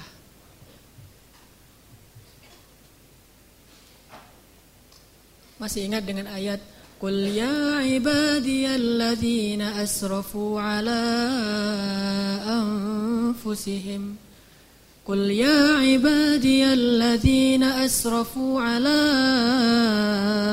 anfusihim لا تقنطوا من رحمة الله Allah berfirman kepada orang-orang yang banyak dosa seperti kita yang pernah berzina, yang pernah minum khamar, yang mungkin pernah membunuh, yang pernah makan riba, yang pernah mengambil hak orang lain secara tidak benar, yang pernah melakukan dosa diam-diam, yang pernah ragu sama Allah, yang pernah diam-diam menuduh Allah dengan tuduhan-tuduhan yang gak pantas kepada Allah, yang banyak dosa, yang kotor, hina, dina, Allah bilang, ya ibadi, hambaku gitu. Lembutnya panggilan Allah kepada kita. Allah gak mengenal, wahai manusia, wahai pendosa, wahai orang yang hina, Enggak, Allah bilang, "Qul ya ibadiyalladzina asrafu ala anfusihim." Bilang kepada hamba-hambaku yang banyak dosa. Tapi Allah enggak bilang yang banyak dosa, yang melampaui batas terhadap dirinya. Lembut sekali bahasa Allah. Udah banyak dosa, Allah masih memanggil kita hamba. Sama kayak seorang ibu, anaknya udah durhaka siang malam kepada ibunya, ibunya masih memanggil kepada anaknya anakku gitu. Gak marah sama sekali. Bahkan ketika kita melakukan dosa, diam-diam di malam hari tidak ada yang melihat kecuali Allah kemudian cuma satu malaikat yang mencatat Allah Subhanahu wa taala berbisik kepada malaikat itu jangan catat dulu mungkin besok dia akan bertobat dan jangan kabarkan ini kepada malaikat yang lain. Allah kalau kita buat dosa diam-diam, Allah tutupi aib kita. Nggak mau ngasih tahu kepada yang lain. Tapi begitu kita taubat, Allah langsung mengatakan, wahai para malaikat, lihat hambaku itu, dia bertaubat. Giliran kita beramal soleh, Allah umumkan. Giliran kita buat dosa, Allah diam aja. Allah ngelihat, Allah maha syahid, maha alim, maha khabir. Allah menyaksikan yang kita lakukan di malam hari. Allah ngelihat hambaku. Ketika Allah melihat hambaku, Allah kasihan sama kita. Kenapa engkau melakukan itu, wahai hambaku? Malaikat mau catat, wahai malaikat tunggu dulu ya. Besok dia mau bertobat mungkin. Dan Allah nggak akan manggil, hei malaikat semuanya lihat nih hambaku lagi berbuat dosa. Enggak, ditutup ya aib kita. Besok ditunggu sehari. Oh, malaikat ya Allah nih udah besok nih. Tar dulu, tar malam mungkin dia tobat. Allah membuka pintu tobat untuk uh, untuk dosa siang hari di malam hari. Allah buka pintu tobat di malam hari untuk dosa di siang hari dan membuka pintu tobat di siang hari untuk orang yang berdosa di malam hari. Oh tunggu nanti malam dia mungkin bertobat. Udah malam, ya Allah dia udah tidur. Mungkin ntar lagi dia bangun, nggak bangun juga. 24 jam Allah nunggu kita. Nggak boleh catat dulu. Hari pertama nggak di nggak bertobat, nggak datang kepada Allah. Tunggu nanti hari Jumat. Siapa tahu pas hari Jumat dia datang bertobat kepadaku. Allah tunggu di pintu masjid. Mana hambaku yang itu nggak datang-datang. Allahu Akbar, Allahu Akbar. Kita masih sibuk di rumah. Kita sibuk di pasar, kita sibuk bekerja, kita menunda-nunda, alasannya kita macet di jalan. Allah tunggu kita di masjid. Gimana? Di depan mihrab. Begitu imam mau naik ke atas mimbar, Allah mana hambaku, mana hambaku. Kayak seorang yang mencari kekasihnya yang hilang. Nggak datang juga, ya udah malaikat tunggu Jumat yang akan datang. Ya Allah, ini udah berapa puluh Jumat, tunggu Ramadan. Ya ayyuhalladzina amanu kutiba alaikumus. Allah tunggu di langit dunia. Ini Ramadan, mudah-mudahan hambaku datang. Enggak datang juga. Allah tunggu, oh siapa tahu nanti dia akan datang kalau nanti dia sudah menikah. Udah nikah belum datang juga. Ya udah deh, wahai malaikat, kasihan nanti daripada hambaku nggak sadar sadar, kasih dia sedikit masalah. Allah kasih masalah buat kita karena Allah pengen banget ngampunin dosa-dosa kita. Allah ngasih kita musibah karena Allah pengen banget ngelihat kita datang menangis, lalu Allah Subhanahu wa taala akan menyambut kita dengan kasih sayangnya. Halumu ilayya ya abdi. Datang ke sini wahai hamba-hambaku. Kasih masalah dikit. Gak datang juga. Terus kata Allah, malaikat jangan catat dulu. Kenapa ya Allah? Siapa tahu nanti di akhir hayatnya dia balik kepadaku. Tunggu sama Allah tuh. Begitu kita sakit menjelang kematian kita, baru Allah ternyata ngelihat kita kayaknya nih udah ada perubahan, tiba-tiba kita datang kepada Allah menyesal, ya Allah saya banyak dosa, ini bentar lagi malaikat mau cabut nyawa kita, tuh kan hambaku ini bertobat, eh sini sini sini hambaku, langsung diselamati, langsung seolah-olah didekap, dipeluk oleh Allah, dan malaikat yang mencatat tadi tidak jadi mencatat. Kata Allah, lihat wahai malaikat, hambaku ini bertobat. Jangan catat keburukan dia. Wahai seluruh malaikat, lihat hambaku ini sudah bertobat. Allah umumkan. Lalu Allah mendekap kita dengan kasih sayangnya. Allah mengampuni seluruh dosa-dosa kita. La ubali, kata Allah. Wahai hamba-hambaku, jika kalian datang kepadaku meminta ampun, Padahal kalian memiliki dosa sebanyak langit dan bumi, akan aku ampunkan dosa kalian semuanya, wala ubali, dan aku tidak peduli sebanyak apa dosa itu.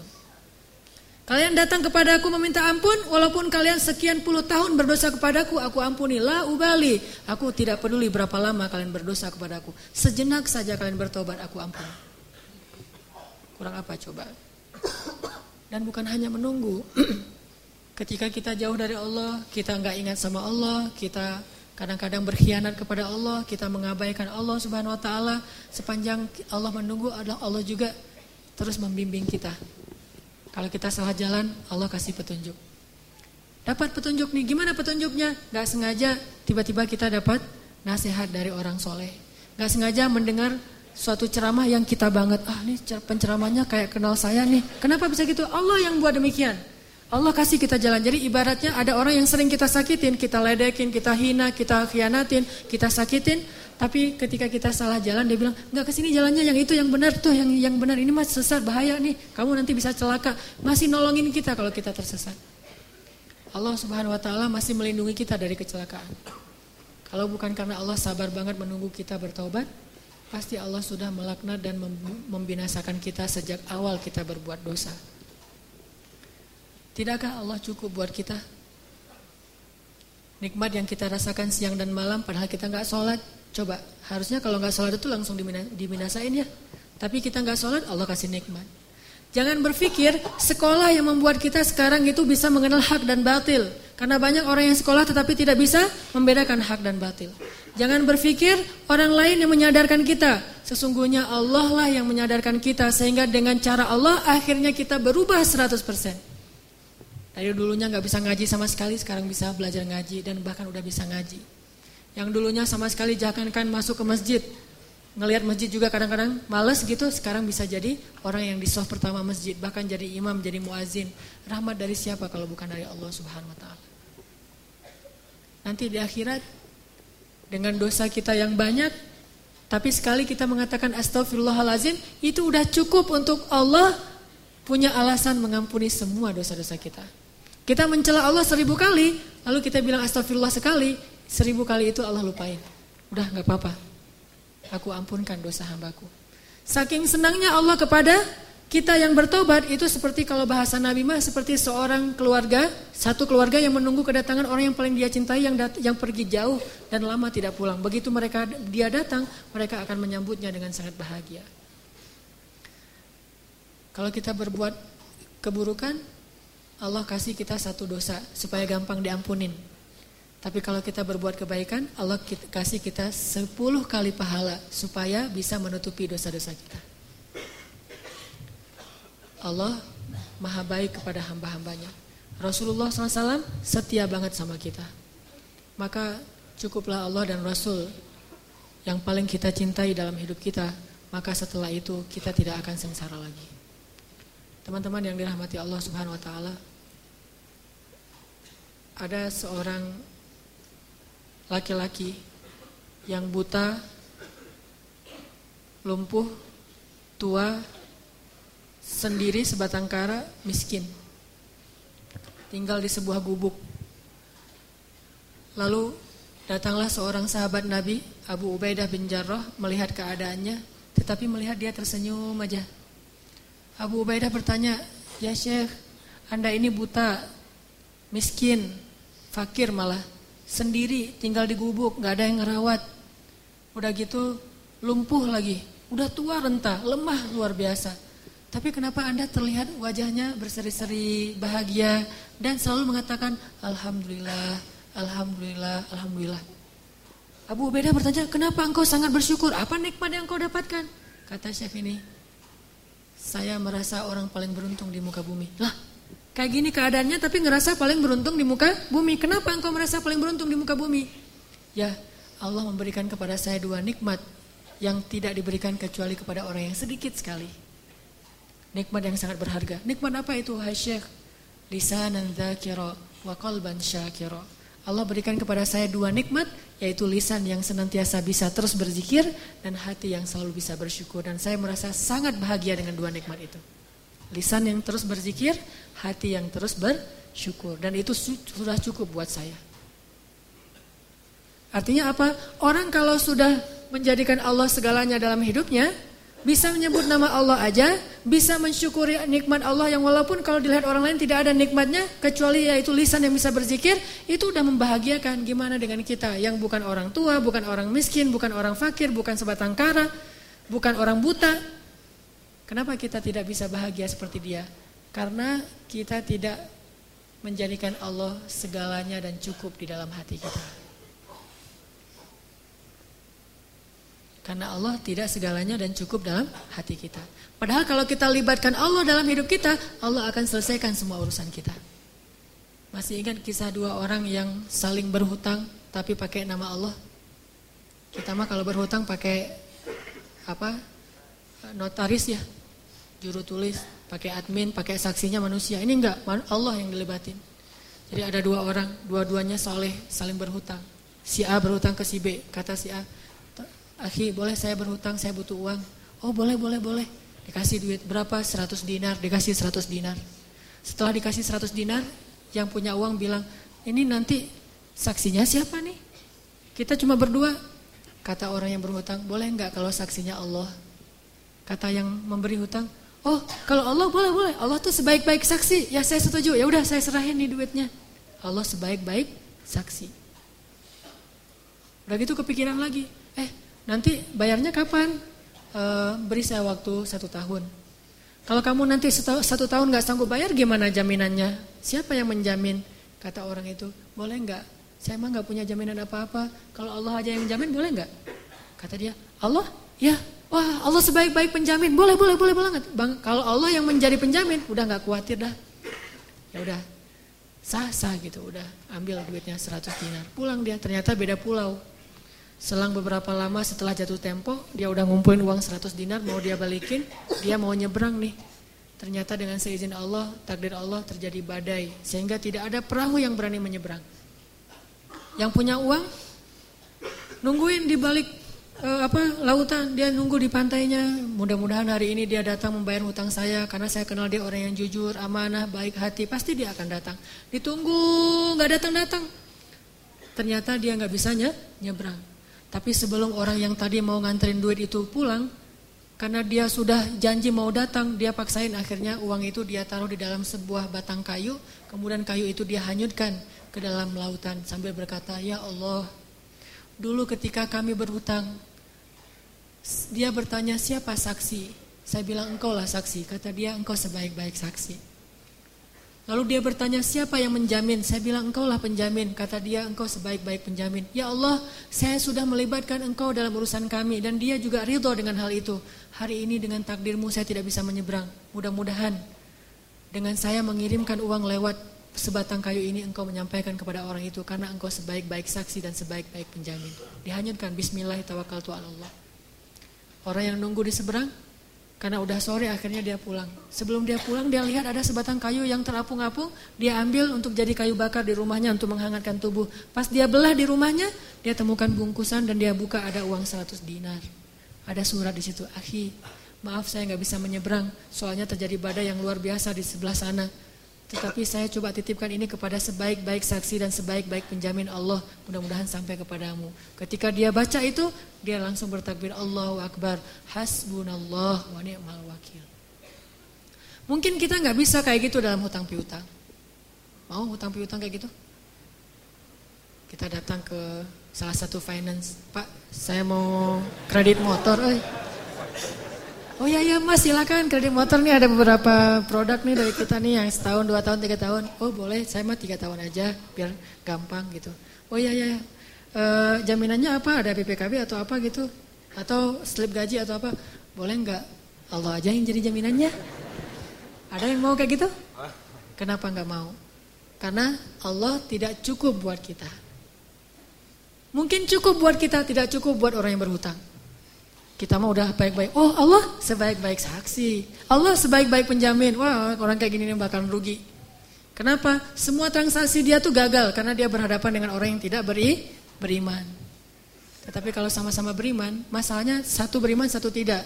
Memang nggak akan rugi, tetap Allah ganti. Cuman masalahnya kan agak-agak melas gitu ya. Gimana uang saya nggak balik-balik, eh ada aja alasan saya ketuk pintu rumahnya nggak dibukain, saya telepon nggak diangkat, saya SMS nggak dirit. Ini kalau kita berinteraksi dengan orang yang tidak menjadikan Allah sebagai hasbi Allah. Setidaknya kalau kita bertransaksi, ucapkan Bismillahirrahmanirrahim. Kita mau tidur, Bismillahirrahmanirrahim. Libatin Allah dalam semua aktivitas kita deh. Dan itu cukup sekali buat kita. Gak akan rugi. Satu-satunya nama yang kalau kita ucapkan itu gak rugi adalah nama Allah. Kita nyebutin nama ibu, kadang gak ngaruh. Tapi kalau kita nyebut nama Allah subhanahu wa ta'ala, itu luar biasa buat kita. Bahkan orang yang ahli maksiat pun kalau nyebut nama Allah, Allah selamatkan. Sedikit aja kita nyebut nama Allah, Allah udah langsung mengubah takdir untuk kita. Masih ingat kisah orang laki-laki di zaman Nabi Musa? Nabi Musa tanya kepada Allah, "Ya Allah, siapakah orang yang paling rendah nilainya di matamu di antara umatku?" Kata Allah, "Itu laki-laki yang kalau sholat paling belakang." Cari sama Nabi Musa, "Oh, itu yang masbuk permanen." Jadi istiqomah banget untuk masbuk. Asal sholat pasti masbuk. Dan masbuknya itu bukan masbuk rakaat kedua, masbuk salam. Pasti tahiyat terakhir aja dia datang tuh. Kalau sholat Jumat duduk paling belakang deket teras atau di teras. Giliran selesai salam yang paling duluan bunyiin kendaraan. Yang pertama nyalain motor. Pulang duluan gitu. Itu tuh yang paling rendah nilainya di mataku di antara umatmu. Oh itu si kakek-kakek buta masbuk terus. Nabi Musa memandangnya sebelah mata. Ah, ini orang pasti ini munafik, pasti ini nggak ada nilainya di apa, pasti dia nggak akan masuk surga. Terus diperhatikan gak ada perubahan. Sampai suatu saat Nabi Musa ngepoin dia, mana dia kok gak datang? Ternyata pas ditanya, dia udah meninggal dunia. Makanya gak datang lagi. Udah gak istiqomah sekarang masbuknya. Karena udah mening meninggal. Is dead lah ya. Nabi Musa tanya ke Allah, Ya Allah, gimana keadaan orang itu di akhirat? Apakah dia masuk surga atau neraka? Kata Allah, Ya Musa, dia itu udah masuk surga. Nabi Musa kaget, hah? Gimana ceritanya ya Allah dia masuk surga? Bukannya dia nggak punya amal sama sekali, sholatnya juga males-malesan, datang ke masjid selalu telat. Kata Allah, ya Musa, tahukah kamu?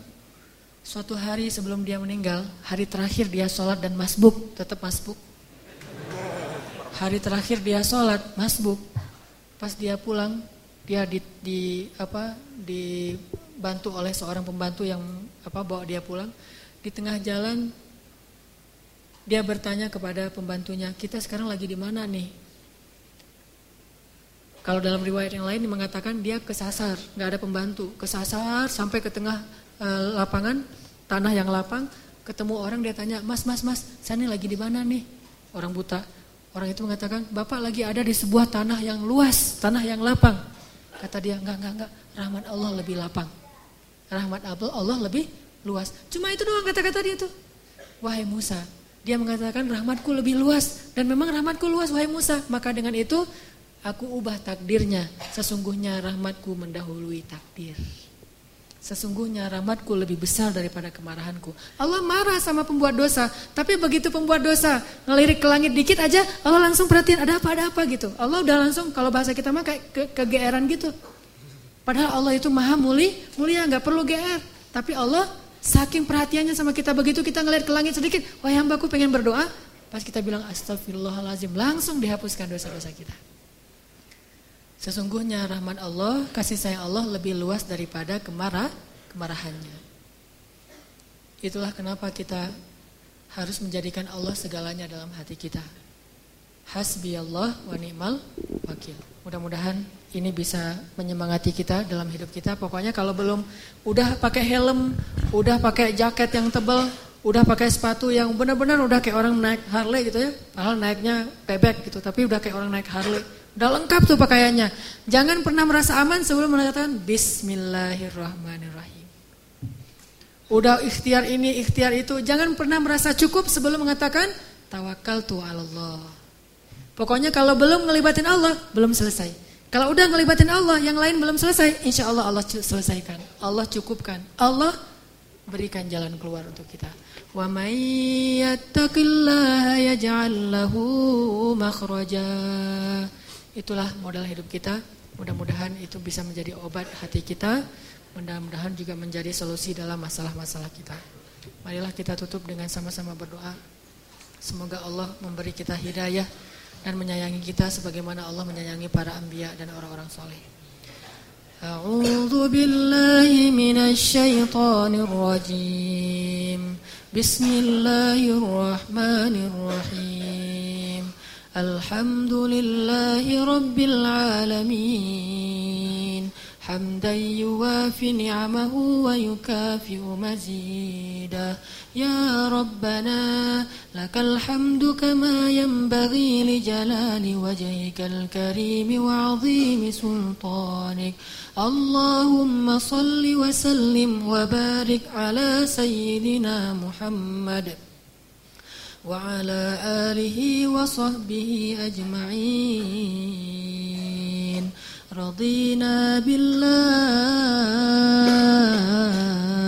ربا. رضينا بالله ربا. رضينا بالله ربا. وبالإسلام دينا. وبمحمد نبيا ورسولا Ya Allah, ya Tuhan kami Ya Allah yang maha lembut Ya Allah yang maha baik Ya Allah yang maha pengasih Ya Allah yang maha penyayang Ya Allah yang maha memiliki segala cinta dan kasih sayang yang tidak terbatas Ya Allah engkaulah yang memberi kami rezeki sepanjang hidup kami Engkaulah yang memelihara kami Engkaulah yang mengurus kami siang dan malam. Ketika kami tidur, Engkau berikan kepada kami ketenangan. Ketika kami bangkit dari tidur kami, Engkau memberikan kepada kami rezeki dan karunia anugerah yang tidak terhitung jumlahnya ya Allah. Ya Arhamar Rahimin. Engkaulah yang menciptakan kami dan Engkau sebaik-baik pencipta. Engkaulah yang membentuk rupa kami dan Engkau sebaik-baik pembentuk rupa. Engkaulah yang menggenggam hati kami dan engkau sebaik-baik yang menggenggam hati. Ya Arhamar Rahimin, kepadamulah kami berserah diri ya Allah. Siapa lagi yang bisa kami harapkan setelah engkau ya Allah? Siapakah lagi yang bisa kami gantungkan segala permintaan dan doa-doa kami kecuali kepada engkau saja ya Allah. Siapa lagi yang bisa melakukan apa pun tanpa pengecualian, tanpa ada batas kecuali Engkau ya Allah. Engkau maha kuasa atas segala sesuatu ya Allah. Ya Arhamar Rahimin, Engkaulah harapan kami ya Allah. Engkaulah harapan hidup dan mati kami ya Allah. Engkaulah harapan dalam setiap tangis dan air mata kami ya Allah. Engkaulah harapan ketika hati kami dalam keadaan sedih ya Allah. Engkaulah harapan ketika kami merasa sendiri ya Allah. Tidak ada yang sepertimu, engkau yang maha agung dan maha sempurna ya Allah. Ya Arhamar Rahimin. Rabbal Alamin. Tuhan alam semesta, pencipta dan pemilik langit dan bumi. Ampunkanlah dosa-dosa kami ya Allah. Ampunkanlah kesalahan-kesalahan kami ya Allah. Malu kami menyebutkan satu persatu dari dosa-dosa kami itu ya Rabb. Malu jika kami harus menyebutkan kesalahan-kesalahan kami di masa yang lalu ya Allah. Bahkan mengingatnya saja kami malu ya Allah. Betapa hinanya diri kami jika kami melihat dosa-dosa yang kami lakukan selama ini ya Allah. Betapa rendahnya diri kami di antara orang-orang soleh jika seandainya mereka tahu perbuatan-perbuatan kami ketika kami sendiri. Dosa yang kami sembunyikan ya Allah. Engkau tahu betul apa yang kami lakukan ya Allah. Ampunkanlah kesalahan kami ya Allah. Mungkin dulu kami pernah berzina ya Allah. Dan kami tahu itu perbuatan dosa besar yang tidak sanggup kami membayangkan betapa besar siksaan terhadap dosa itu ya Allah. Tetapi engkau menunggu kami bertobat dan hari ini kami datang ke hadapanmu dan meminta ampun kepadamu ya Allah. Mungkin dulu kami sering minum khamar ya Allah. Mungkin kami sering meneguk minuman yang telah Engkau haramkan padahal kami tahu itu haram bagi kami. Dan yang lebih pasti lagi, kami sering meninggalkan sholat ya Allah. Kami tidur di waktu subuh. Kami baru bangun ketika matahari sudah panas. Dan kami tidak merasa berdosa akan kesalahan-kesalahan itu ya Allah. Kami mendengar namamu dikumandangkan di dalam azan-azan di menara-menara masjid. Allahu Akbar, asyhadu an la ilaha illallah, hayya 'alas shalah. Kami mendengar Engkau memanggil kami datang ke rumahmu, tetapi kami mengabaikan panggilanmu. Kami meneruskan pekerjaan, kami meneruskan permainan, kami meneruskan aktivitas dan perbuatan-perbuatan sia-sia kami. Kami mengabaikan panggilanmu ya Allah. Tetapi ketika kami punya masalah, kami berharap engkau mendengar permintaan kami ya Allah.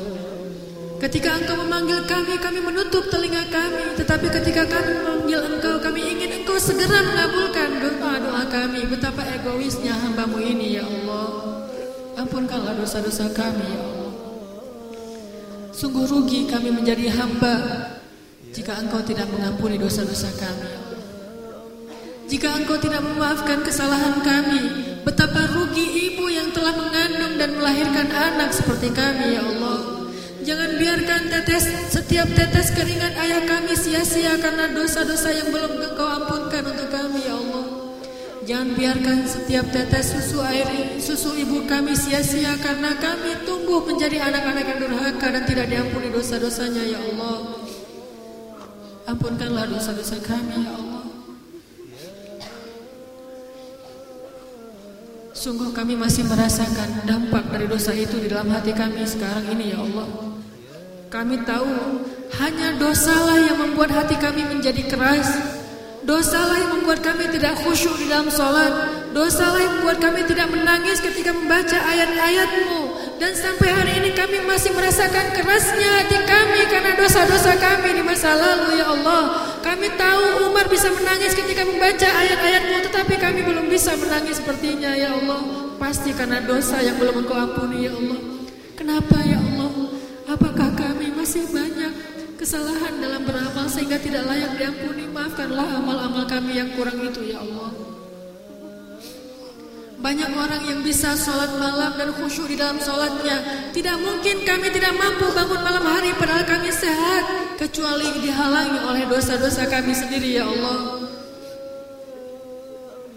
Ampunkanlah dosa-dosa kami ya Allah. Kami sadar Sampai hari ini masih banyak dosa dan buktinya kami belum bisa maksimal dalam mengingatmu ya Allah. Hati kami belum wajilat ketika mendengar namamu ya Allah. Pasti itu penyebabnya adalah dosa ya Allah. Kami sadar dan yakin masih banyak dosa karena hati kami masih senantiasa dalam keadaan sedih, khawatir dan tidak pernah bisa bersyukur ya Allah. Kami sering mengeluh, kami merasa tidak bahagia, kami merasa selalu ada kurang dalam hidup kami. Kenapa? Karena kami banyak dosa ya Allah. Yang menjadikan hati seseorang bahagia, tidak bahagia hanyalah dosa dan kami masih merasakan itu ya Allah. Pasti masih ada dosa yang belum Engkau ampuni. Apakah karena ada orang yang masih sakit hati kepada kami ya Allah? Ajarkan kami bagaimana meminta maaf kepada orang itu ya Allah. Ampunkan dosa-dosa kami ya Allah. Ya Arhamar Rahimin. Sebagai seorang suami, pasti kami sering membuat istri kami menangis karena kezaliman kami, ya Allah. Apa yang harus kami lakukan agar istri kami bahagia, ya Allah? Ajarkan kami dan jangan biarkan kami terus-menerus setiap hari menambah dosa karena zalim kepada pasangan kami, ya Allah. Sebagai anak, kami yakin orang tua kami sering menangis karena kami, ya Allah. Kami yakin ibu kami diam-diam menangis di dalam sholatnya dan tidak berani menampakkan wajahnya ketika sedang menangis di hadapan kami karena dia takut kami akan marah kepada mereka ya Allah. Betapa sering ibu kami ingin menasihati kami karena kami bersalah tetapi dia takut kami membentaknya sehingga dia diam saja lalu dia menangis. Maafkanlah kesalahan kami ya Allah. Sering kami membanding-bandingkan ibu kami dengan ibu orang yang lain. Sering kami menganggap ibu kami tidak berjasa dalam hidup kami sehingga kami tidak berbakti kepadanya. Bukankah sembilan bulan susah payah mereka mengandung kami itu jasa yang tidak pernah bisa kami balas ya Allah? Betapa durhakanya kami mengatakan ibu kami tidak berjasa bagi kami padahal sembilan bulan dia mengandung kami dalam kepayahan setiap malam dia menjerit setiap malam dia mengadu kepadamu betapa sulitnya mengandung Bukankah itu jasa yang tidak pernah bisa kami balas ya Allah? Tetapi kami senantiasa mengatakan kami tidak perlu berbakti karena ibu kami tidak pernah berbuat baik kepada kami. Kadang kami tidak mau mendengar nasihat ayah kami karena merasa ayah kami tidak mendidik kami dengan baik. Bukankah diam-diam dia mengeluarkan keringat setiap hari untuk menafkahi kami ya Allah? Dia merasa dia tidak cukup ilmu untuk mendidik kami tetapi dia menggunakan semua tenaga, pikiran dan waktunya untuk menafkahi kami agar kami belajar kepada orang yang lebih pantas daripada dirinya ya Allah. Ayah kami sadar dia tidak punya banyak ilmu untuk mengajarkan kami agama. Untuk itulah dia menafkahi kami belajar kepada ulama, belajar ke sekolah-sekolah yang baik agar kami mendapatkan ilmu yang lebih pantas. Dia tidak mengajarkan kami sholat, tetapi dengan harta dan nafkahnya lah kami belajar sholat. Dia tidak mengajarkan kami tentang agama, tetapi dengan nafkahnya lah kami belajar agama, ya Allah. Maafkanlah dosa-dosa kami kepada orang tua kami. Kami lupa, ya Allah. Kami lupa kebaikan orang lain kepada kami. Kami hanya selalu mengingat kebaikan kami kepada orang lain. Kami lupa kebaikan pasangan kami kepada kami. Kami hanya ingat sedikit pengorbanan kami kepada mereka, sehingga kadang kami merasa lebih baik daripada mereka, ya Ya Arhamar Rahimin. Kami rindu kepada Rasulullah Sallallahu Alaihi Wasallam. Sampaikanlah salam rindu kami kepada Nabi Muhammad Ya Allah. Kami tidak pernah melihat Rasulullah selama kami hidup di dunia Ya Allah. Dan jangan sampai kami juga tidak bisa bertemu dan melihat Rasulullah nanti di akhirat Ya Allah. Para sahabat nabimu mereka pernah bertemu dengan Rasulullah Duduk di sebelah Rasulullah Memeluk Rasulullah di dunia dan mereka juga akan dijanjikan bertemu lagi dengan beliau di akhirat. Sedangkan kami ya Allah, bahkan di dunia pun kami tidak pernah melihat beliau. Ketika kami datang ke kota beliau di Madinah, bahkan kami tidak bisa melihat kuburan beliau secara langsung ya Allah kecuali dari balik pagar ya Allah. Kami tidak pernah melihat Rasulullah di dunia. Izinkanlah kami untuk menatap wajah beliau yang indah nanti di akhirat ya Allah. Kami ingin mengadukan perihal kami kepada beliau. Kami ingin minta maaf kepada beliau karena kami belum setia mengikuti sunnah-sunnah beliau ya Allah. Ya Arhamar Rahimin, jadikanlah kami tetangga Rasulmu nanti di dalam surga Firdaus. Ya Allah, anugerahkanlah kepada kami keluarga yang menjadi penyejuk hati kami ya Allah. Tidak ada yang lebih berharga setelah engkau dan Rasulmu bagi kami kecuali keluarga yang sakinah, mawaddah, warahmah ya. Bukan harta yang membahagiakan kami ya Allah. Bukan bisa berjalan ke seluruh negeri yang bisa membuat kami bahagia ya Allah. Tetapi melihat senyum pasangan kami Melihat senyum anak-anak kami Itulah yang paling berharga dalam hidup kami ya Allah. Anugerahkan kepada kami keluarga seperti itu. Keluarga yang senantiasa kami bisa melihat merekahnya senyum di wajah mereka ya Allah. Anak-anak yang senantiasa menegakkan sholat ya Allah istri dan suami yang senantiasa saling tolong menolong dalam kebaikan dan ketaatan ya Allah. Ya Arhamar Rahimin. Anugerahkanlah kepada pemuda-pemuda Islam jodoh yang soleh soleha ya Allah.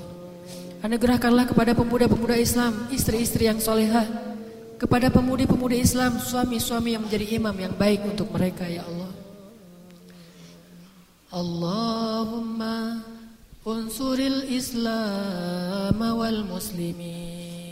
Ya Allah Hari ini pasti banyak masih di antara kaum muslimin yang menangis karena kelaparan di negeri-negeri yang terjajah itu ya Allah. Palestina, Gaza, Suriah, Irak, Yaman, Rohingya, Nigeria, Kongo, Afrika Di seluruh dunia banyak kaum muslimin yang tertindas ya Allah. Banyak perempuan-perempuan yang dihina ya Allah Banyak orang tua-orang tua yang diinjak-injak ya Allah. Banyak kaum muslimin yang kehilangan harta rumah mereka ya Allah. Bahkan kehormatan mereka ya Allah. Ya Arhamar Rahimin, tolonglah kaum muslimin di seluruh dunia ya Allah. Ya Allah kami cinta dengan Masjidil Aqsa. Demi Engkau ya Allah, demi Engkau yang menggenggam jiwa kami di dalam genggamanmu ya Allah. Kami bersumpah atas namamu ya Allah. Kami cinta dengan Masjidil Aqsa ya Allah. Jadikanlah kami salah satu di antara pembebas Masjidil Aqsa. Ya Allah, kami meminta kepadamu ya Allah Di dalam rumahmu ya Allah Di dalam majelis yang engkau cintai ini ya Allah Kuburkan jasad kami di dalam tanah Majlis Aqsa ya Allah. Kuburkan jasad kami di dalam tanah yang engkau berkahi di dalam Masjid Aqsa ya Allah. Tumpahkanlah darah kami mengalir sebagai darah para syuhada ya Allah Janganlah engkau matikan kami di atas tempat tidur kami yang empuk ya Allah Matikanlah kami di tangan musuh-musuhmu ya Allah. Matikanlah kami di tangan orang-orang yang kufur kepadamu ya Allah. Setelah kami berjuang dan engkau ridho kepada kami ya Allah. Rabbana zalamna anfusana wa illam taghfir lana wa tarhamna لنكونن من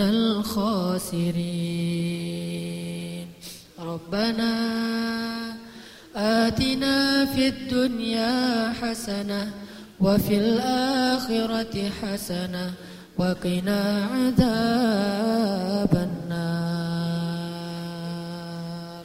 Ya Allah kami berlindung kepadamu dari su'ul khatimah kami berlindung kepadamu dari azab kubur. Kami berlindung kepadamu dari neraka jahanam. Amin ya rabbal alamin. Amin ya mujibas sailin. Subhanakallahumma wa bihamdika asyhadu an la ilaha illa anta astaghfiruka wa atubu ilaik. Assalamualaikum warahmatullahi wabarakatuh.